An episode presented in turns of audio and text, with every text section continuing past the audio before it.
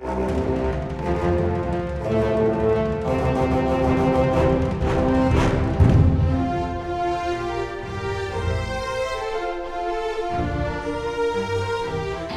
til Frankrike forklart, en podkast der du får svar på alt du lurer på om Frankrike. Mitt navn er Frank Urban. Og mitt navn er Geir Uvsløk. I dagens Frankrike forklart skal vi snakke om fransk utenrikspolitikk. Presidentperioden til Emmanuel Macron går nå mot slutten, og det er viktig å analysere de fem årene som har gått siden 2017 med tanke på hvordan den franske presidenten har forvaltet Frankrikes utenrikspolitiske interesser i en verden i rask endring. Kan vi snakke om kontinuitet eller brudd når det gjelder hans utenrikspolitikk?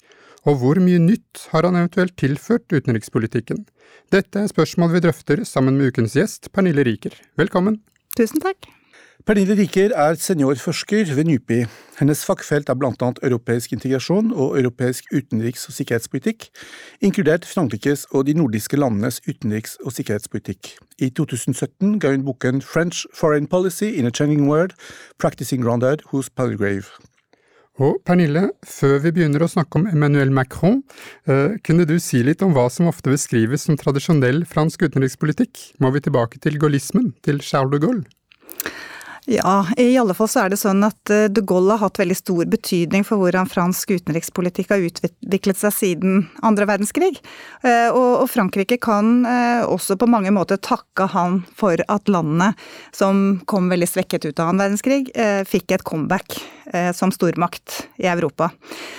Og om ikke like stor som Frankrike hadde vært tidligere i historien, så, så allikevel et, et, et comeback. Eh, og for det første så var det tydelig fordi Frankrike fikk en plass i FNs sikkerhetsråd, som ikke var gitt på den tiden. Eh, det var takket være de Gaulle, men også takket være Churchill, som på en måte ønsket å invitere Frankrike inn for å ha en litt ja, større europeisk eh, dominans i, i eller, eller, i hvert fall representasjon i Sikkerhetsrådet enn en, en hvis det kunne hadde vært Storbritannia, da.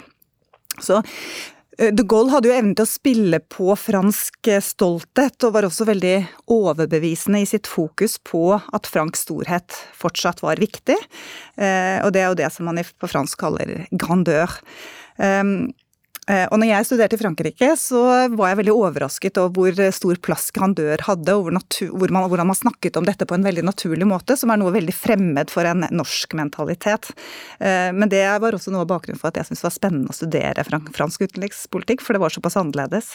Ja, kan, kan, du si litt kort hva de Gaulle la i dette grandeur-begrepet? Ja, eh, altså et kjent sitat fra de Gaulle er jo at Frankrike kan ikke være Frankrike uten grandør. Så det liksom stikker så dypt. Eh, og det, det, det, henspiller jo på Frankrikes historiske rolle i verden og i Europa. Eh, men det, det, er på en måte et, et tilbakeblikk på, på, den franske revolusjonen og Frankrikes rolle i utformingen av universelle verdier. Eh, så det er på en måte en kombinasjon av, av universalisme og, og interesser, egentlig. Man kan kanskje tilføye at uh, de Gaulle fryktet franskmennene, han kalte det franskmennenes naturlige tendens til middelmådighet. Og dermed, for å unngå at de skulle være middelmådige, så måtte de strekke seg til et, et stort mål. ikke sant? De, de, de, måtte overgå seg selv. Og det er kanskje psykologisk, en psykologisk dimensjon i det, det begrepet grandeur som, som for Det var tross alt etter krigen, etter okkupasjonen, etter Vichy-regimet. Man skulle på en måte behandle det, folkesjelen og, og, gi den stoltheten tilbake. Ja. Jeg tror det var et grep, faktisk, helt klart, og det, og det, har fungert veldig godt. Og man kan kanskje se noe av det, det skal vi komme tilbake til, men, men hos, når Macron kom til makten, at han brukte litt av samme, av samme psykologiske grep, da, kan du si. Du, du snakker om Grandeur. Er det den andre dimensjonen, hoveddimensjonen som på en måte kjennetegner gaullismen? Eller gaullismens utenrikspolitikk? Ja, altså eh, jeg vil si at det er grandør, men det er også det er den kombinasjonen av eh, universalisme og interesser. Altså det er på en måte så det er, en, Og det er interessant, altså eh, Nå kan du si at gaullismen den hører på en måte til en politisk parti eller politisk gruppering i Frankrike. Men samtidig, når det gjelder utenrikspolitikken, så ser man jo at det, har, det er på en måte mange som gjenkjenner seg selv i gaullismen. Så det går på en måte fra høyresiden til, til venstresiden. Eh, og fram til nylig så har det liksom vært det å vært gaullistisk utenrikspolitikk har egentlig alle eh, politiske orienteringer har stått for den type politikk fram til 2008 eh, vil noen si. Eh, for da fikk man et brudd eh, hvor man ikke Da delte man plutselig utenrikspolitikken inn i to perioder. At du har og Mitterrandien. Utenrikspolitikken var på en måte karakterisert fordi den innebefant både høyresiden og venstresiden som, som Mitterrand representerte. Og så fikk du fra 2008, særlig da med, med Sarkozy, noe de kalte nykonservatisme. Så på en måte ja, litt av det samme som man da hadde hatt i USA under Bush og, og sånn. En mer intervensjonistisk politikk som var veldig fremmed for den, den tradisjonelle utenrikspolitikken. Um, jeg er litt usikker på, jeg er ikke helt enig i at det er kanskje det viktigste skillet i fransk utenrikspolitikk i dag. Eh, men det er det skillet man ofte bruker, eh, og som franskmenn ofte bruker eh, om det selv. Jeg tror det viktigere skille kanskje er 2003, eh, med Irak-krigen. Eh, hvor eh, man plutselig ser en helt annen begrunnelse for storhet. Altså Da er man fra på en måte interesser og universalisme, som har vært det tradisjonelle gaullistiske, så, så ser man plutselig i mye, mye, større grad at multilateralisme blir en, en, et kort å spille. Og at man ikke lenger kan være stor i verden uten å, å ha en veldig Å være multilateral også. Da. Så FN på en måte får en veldig stor rolle, og det så man jo tydelig i konflikten rundt Irak-intervensjonen, hvor Frankrike gikk i bresjen for at man måtte ha FN-mandat. Og Særlig da også at utenriksministeren spilte en viktig rolle. Absolutt. men det du, fordi det, det, du, det, du, egentlig snakker om, det er også det andre hovedbegrepet i gaullismen, som er independence, altså en, ja. Frankrikes uavhengighet. Selvsagt. Og Det er også interessant. Hva legger man i det? Og Eh, det har jo vært vanskelig å Jeg husker Bidots berømte uh, utsagn som var at uh, man må ikke bygge opp EU og samtidig bygge ned Frankrike. On peut pas faire l'Europe sans de faire la France. Hva, hva, legger man i til, hva legger man i til begrepet uavhengighet? Jeg tror i Frankrike så er det noe med at og hvorfor det ofte blir misforstått, er fordi at for Frankrike så er et sterkt Europa og et sterkt Frankrike har alltid, det er på en måte synonymer. Eh, I hele etterkrigstiden så har på en måte tanken vært at hvis eh, Frankrike kan ikke lenger spille den rollen de har gjort historisk i verden, de må gjøre det gjennom Europa, gjennom et europeisk lederskap. Og, og, de har nok ikke alltid I Frankrike har man ikke forstått helt hvorfor, hvorfor, det blir sett på som problematisk blant andre europeiske land, som vil da føle seg kanskje dominert av, av Frankrike. Eh, for de tenker at eh, Frankrike vil jo liksom på en måte lede Europa i rett, rett, retning. Og den uavhengigheten Så den uavhengigheten som de Gaulle sto for, var jo en uavhengighet på en måte på vegne av Europa.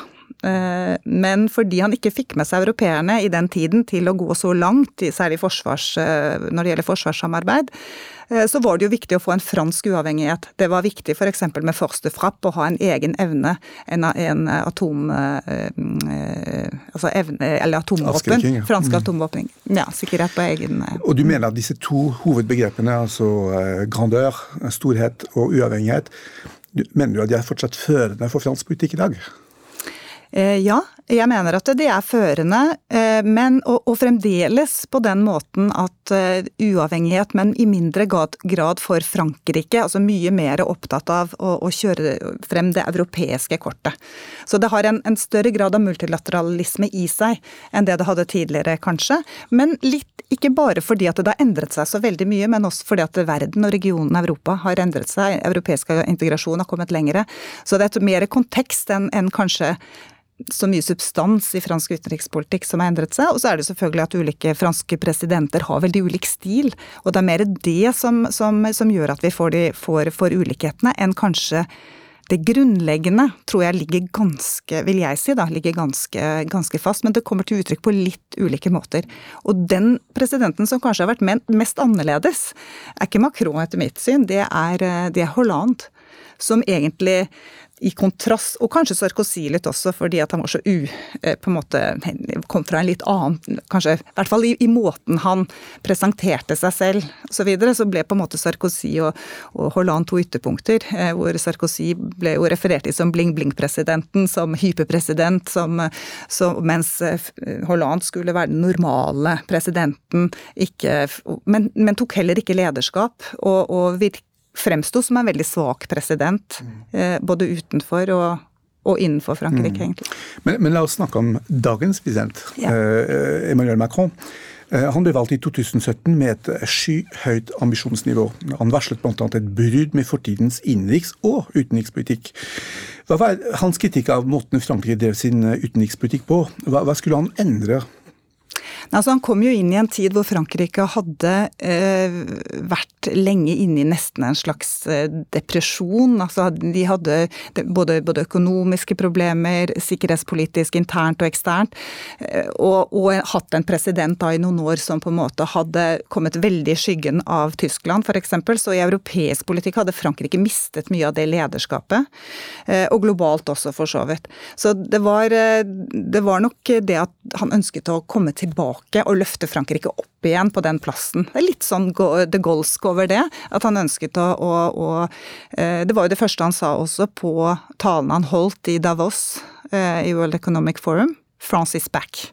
Og Det var et ganske sterkt og, og, forsiden også på The Economist det er også interessant, hvor du ser at eh, han kommer som omtrent Jesus som skal redde Europa, gå på vannet, og du da har bilde av, av da um, Åh, nå har jeg glemt uh, Storbritannias daværende Theresa May. Theresa May, som da på vei ned eh, liksom, går under, under overflaten. Så det er bilde på at nå kommer Frankrike og skal liksom redde Europa etter brexit. Og, så, så han, han, kom Det var store forventninger til han, både i Frankrike selvsagt, men også, også i Europa og internasjonalt. Jeg, jeg, nevnte litt apropos det også, jeg, jeg nevnte i stad uh, Dominique de Villepin, altså en utenriksminister uh, under uh, Irak-krisen. men tradisjonelt, altså i hvert fall siden de Gaulle, så er Frankrikes utenrikspolitikk tett knyttet til presidenten. og det ser vi også med Macron. Kan du si litt om i hvilken grad han har personifisert fransk utenrikspolitikk de siste årene? både nasjonalt når det gjelder forholdet mellom president, regjering og utenriksdepartement, og internasjonalt med de personlige båndene som han har prøvd å knytte til andre statsledere, som uh, Trump, Merkel og Putin også. Mm. Nei, altså Absolutt, han har personifisert eh, utenrikspolitikken eh, noe helt enormt, egentlig. Og det er klart at presidenten i Frankrike har mye makt i konstitusjonen, men han har han har jo tatt det utover det. Eh, og, det er jo Man vet jo nesten ikke hvem utenriksministeren er. altså i hvert fall tror Hvis ikke man jobber veldig tett med fransk eh, utenrikspolitikk. Så han har overskygget eh, skygget, Og nå er det jo også sånn at både utenriks- og innenrikspolitikk glir jo litt over i hverandre, så han tar jo liksom hele feltet. Og innenrikspolitikk også. Så, så, regjeringen kommer liksom i skyggen. Så han har absolutt personifisert politikken, vil jeg si. Mm. På alle områder. Det har også vært kommentert om hvordan Kirasi, altså Utenriksdepartementet, fungerer i dag. Ja. Eh, og hvilken dialog eh, eller forhold Kirasi har i forhold til presidenten og presidentembetet. Eh, og man føler på en måte at, at Utenriksdepartementet også kom litt i skyggen i forhold til presidenten. Og det er sant det du sier, at bortsett fra han, så er det utenriksministeren, kanskje forsvarsministeren, av og til økonomiministeren og Europa viseministeren, eller ministeren, som kan uttale seg om utenrikspolitikk, men veldig få egentlig som snakker om finanspolitikk. Kamrene, mm. nasjonalforsamlingen og senatet, uh, i, i, motsetning til den norske tradisjonen, har nesten ingenting å si. Det går gjennom presidenten. Absolutt. Mm. Så det er veldig, veldig tydelig. Og i forhold til disse Geir snakker om personifisering av forholdet til andre statsledere. Eh, ja. Eh, nei, det er klart at der også har han jo eh, valgt en, en altså fra start egentlig å vise en veldig tøff linje overfor både altså Særlig for Putin. Det er jo skjedd andre ting senere som, som han har blitt kritisert for. At han har åpnet opp for mye igjen for dialog med, med Russland. Men de første møtene han hadde på Versailles med Putin, var jo for å liksom statuere et eksempel. Og det var jo også fordi at man da visste at Russland Russland, eller russiske troll, hadde vært inne i, i presidentvalget og prøvd å påvirke det. Um, så han hadde et behov for å vise et eksempel. Um, så han har liksom ønsket å ha et personlig bilateralt forhold til de store. Og det er jo også selvfølgelig for, for uh, å vise fransk storhet, da, at Frankrike spiller en rolle globalt. Det går ikke bare gjennom EU uh, eller gjennom et fransk-tysk, det er direkte møter med Trump, med Putin. Det har også noe med synlighet å gjøre. Absolutt. Så var det kanskje en plass å ta. fordi at Macron, som du sa, da han ble valgt, så skulle han forsvare den frie verden, den demokratiske verden, mot, ja. Eh, mot mørke krefter eh, både i Kreml og i Washington, ikke sant, ja. med en ny, ny valgt Trump. Han ble jo på en måte hjulpet av at Trump kom til makten, for det gjorde at liksom, USA, som har stått som forsvarer av den liberale orden og multilateralisme, ikke lenger var der, og han kunne på en måte fylle det rommet. Så, så det gjorde jo at han, at han tok en plass og fikk et rom, og fikk en mulighetsrom til å spille en, kanskje en større rolle enn det han ellers ville gjort. Eh, og da har man jo tenkt at ja, nå med Biden, hva skjer da?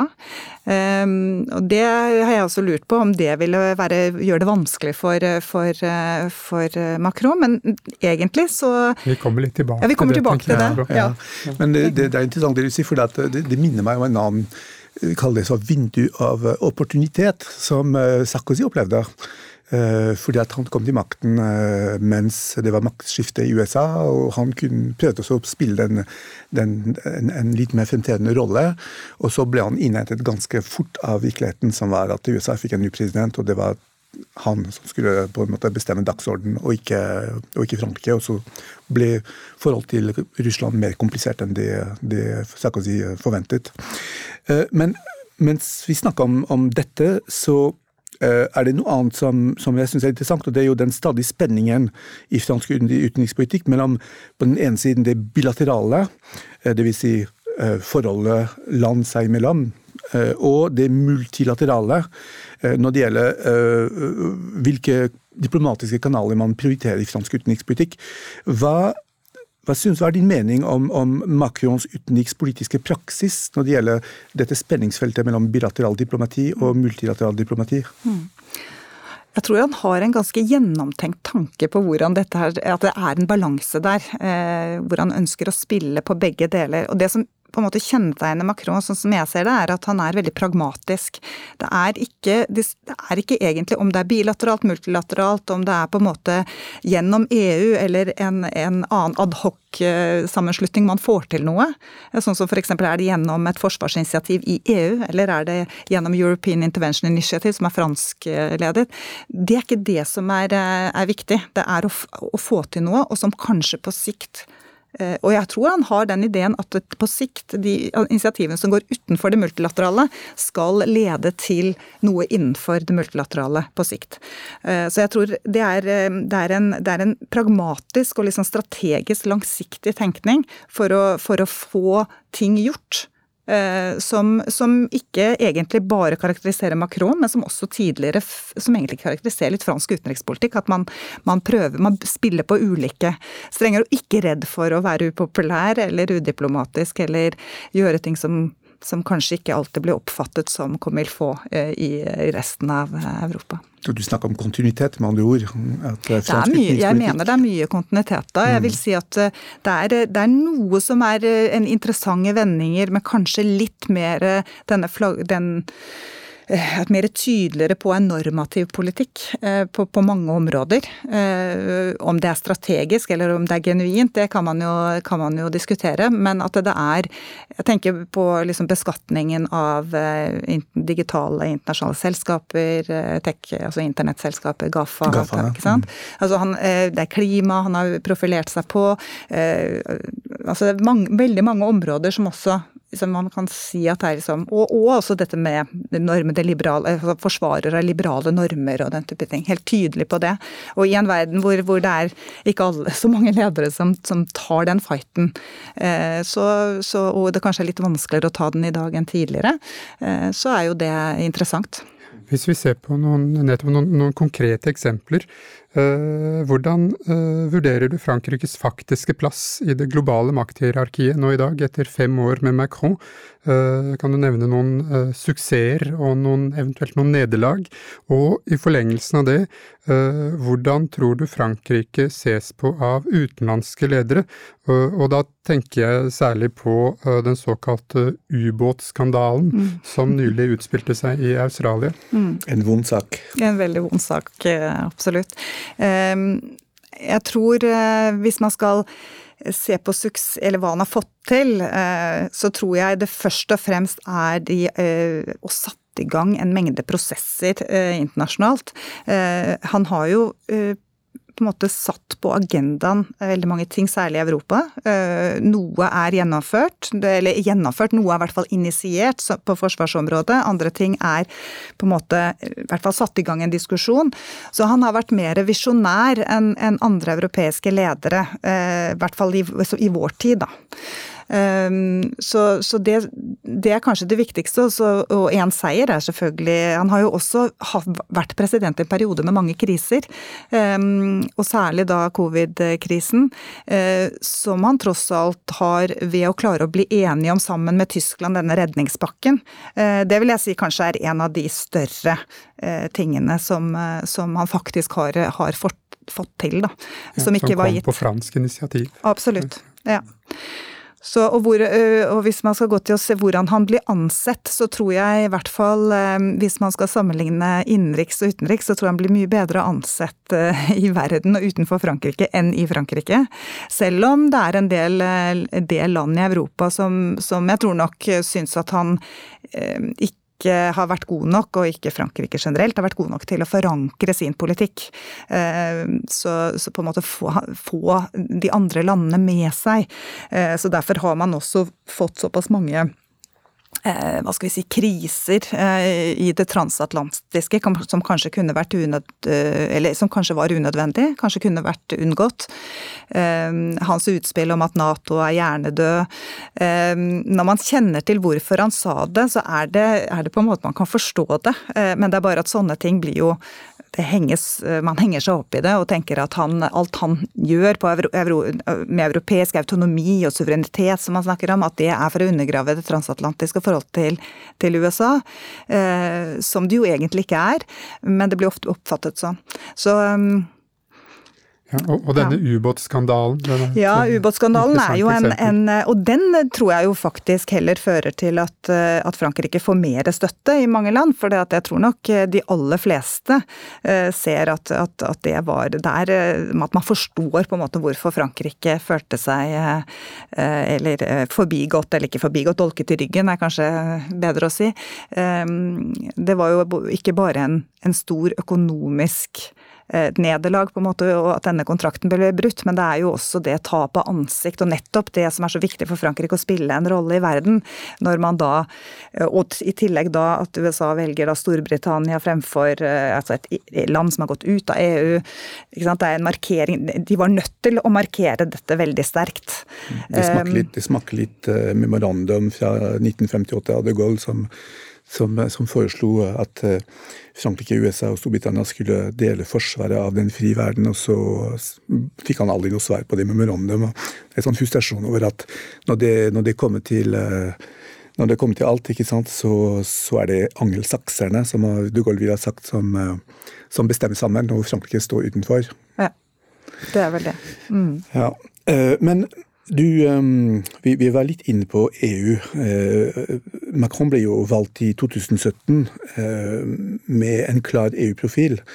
Uh, og i september 2017, og så kort tid etter at han ble valgt, så holdt han etter hvert berømt tale i, ved, ved, Universitetet i Sorbonne, hvor han kom med et 40-50 forslag for å forandre EU.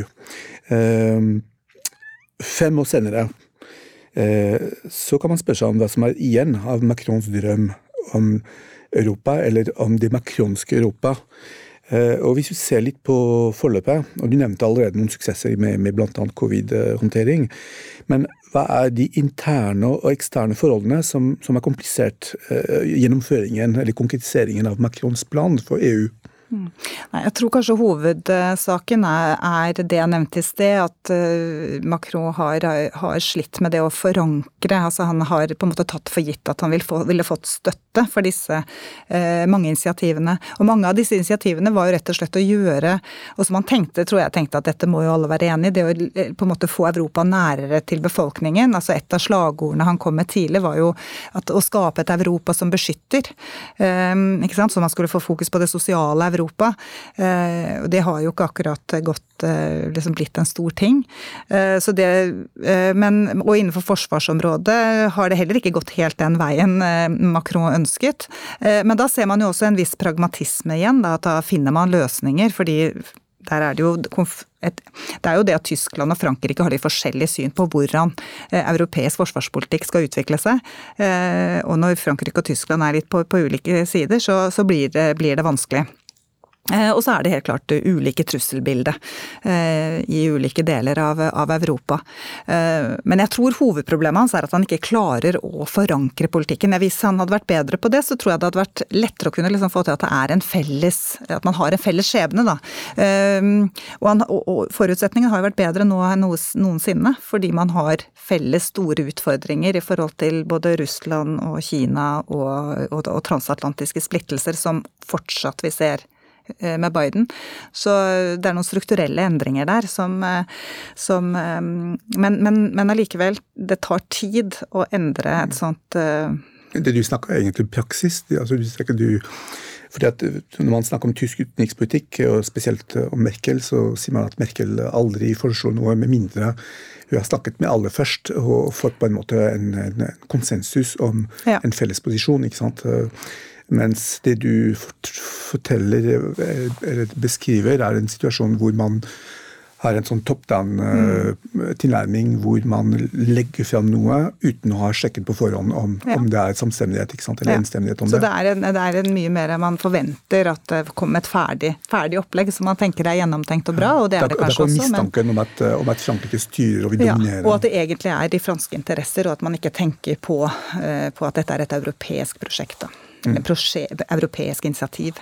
Så, så, det er mye mistrohet ute og går, som jeg tror at han, er noe av grunnen til at han ikke har lykkes med alle de, de forslagene som han har eh, kommet med. Da.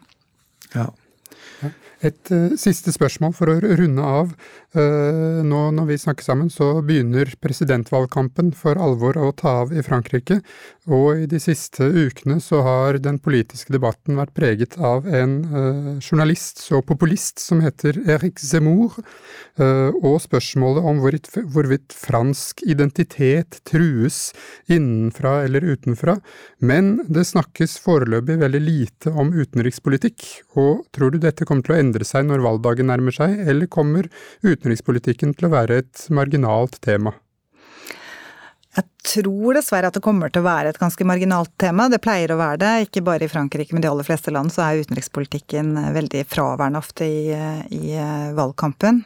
Eh, men det kan tenkes at, at Macron ønsker å løfte det opp på en eller annen måte. Rett og slett for å, fordi at det er der han kanskje kan vise til Han er i hvert fall eh, At han kan vise til hvordan han har brakt Frankrike tilbake, da. Liksom på, mye det han vant på i 2017 ja. også. Så jeg, jeg, vil tro at han kanskje på en eller annen måte vil, vil få det inn. Og, og, han har jo prøvd å få det nettopp i denne identitetsdebatten, da. Hvor viktig det er at Frankrike har en, en utenrikspolitikk som, som, på en måte også forsvarer fransk identitet fra en litt annen vinkel enn det, enn det den høyrepopulistiske kandidatene vil gjøre. For han vet jo at det er den siden han vil mest sannsynlig eh, måtte kjempe mot. Så han er nødt til å på en måte gå inn på den debatten. Eller det er vel det han, han vil gjøre. Så, og da er jo grensene mellom utenriks- og innenrikspolitikk er, eh, er, ikke helt hit. Mm. I, I, den talen eh, i Sorbonne, men også senere, så introduserte han begrepet europeisk suverenitet som en form for motdiskurs mot den nasjonalistiske diskursen om fransk eh, suverenitet. En annen ting er jo at Frankrike overtar EU-formannskapet i januar. Uh, og jeg lurer på om den valgkampen ikke kan ligne litt på den til Mitterrand i 1988, hvor, hvor, Mitterrand var på en måte den store europeeren mot Chirac, den store nasjonalisten. Vi vet ikke hvem den store nasjonalisten blir den gangen. Ja. Uh, Nei, Det kan godt tenkes. Jeg hadde ikke tenkt på det, men det er selvsagt Frankrike overtar eh, presidentskapet. Og det er jo en viktig, en viktig, viktig for dem å profilere også europeisk. Og det kommer til, nok til å, til det faktisk blir en del fokus på det. Ja, Men, men samtidig som du påpeker helt riktig, så altså, fransk eh, presidentvalg preges aldri i stor grad av utenrikspolitikk. Det er ikke det som bestemmer, det er innenrikspolitikken. Med mindre det skjer noe ja. dramatisk. Det eneste er Europa. Klart det kommer alltid inn, for der er det, det, det, det altså Når du er medlem av EU, så, så kommer det inn i all, all mulig innenrikspolitikk også. Så, så, så den dimensjonen der vil nok komme litt. Med en annen type utenrikspolitikk tror jeg ikke det blir noe stor Marine Le Pen tapte jo på debatten om utmelding av eurosonen i 2017, ja. så det Men liksom, europeisk politikk det er ikke utenrikspolitikk, og det er ikke innenrikspolitikk, det er en slags mellomting. På slutten av hver episode ber vi vår gjest om å komme med en fransk anbefaling. Eh, hva er din anbefaling til våre lyttere, Pernille? Ja, da vil jeg Jeg kunne anbefale min egen bok, selvsagt, men det, det skal jeg ikke gjøre. Det gjør vi uansett. ja. Nei, jeg, jeg, har lyst til å anbefale en bok av en, en venn og kollega eh, i Frankrike som heter Frédéric Charillon, som er professor på Universitetet i Auvergne. Eh, og han har gitt ut en, bo, en redigert bok som, som, heter La France dans le monde.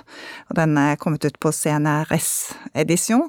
Eh, I min bok så skriver jeg lite om Macron, fordi jeg, den kom ut rett før han, eller ble i hvert fall skrevet rett før han han ble valgt. Eh, men her er det da mye mer om fransk utenrikspolitikk. Både Afrikapolitikk, Midtøsten-politikk og Ja, for Vi rakk ikke å snakke om Mali, men det er jo et annet spørsmål. Det er, et, er veldig, veldig interessant. interessant akkurat nå. Det er det. Uh, Geir, har du en anbefaling òg? Ja, det har jeg, Frank. Uh, jeg vil anbefale en bok av en annen fransk politiker, uh, som er omtrent like gammel som Macron, han er litt yngre, og som antagelig ikke kommer til å være med i kampen om presidentembetet i denne omgangen, men kanskje i 2027. Og det er boken Lettre à la génération qui va tout changer av Raphael Luxman, som sitter i Europaparlamentet. Og det kan du oversette fortløpende på dansk? Ja, det er brev til generasjonen som skal forandre alt, eh, heter denne boken til Rafael Glucksmann, hvis vi oversetter til norsk. Eh, den er veldig interessant, eh, og det som gjør den særlig interessant, syns jeg er at det minner veldig om en sånn bok man skriver når man har lyst til å bli president. Men foreløpig så har Glucksmann sagt at han syns at det er for mange kandidater på venstresiden, så han vil ikke kaste inn sitt eget kandidatur i tillegg.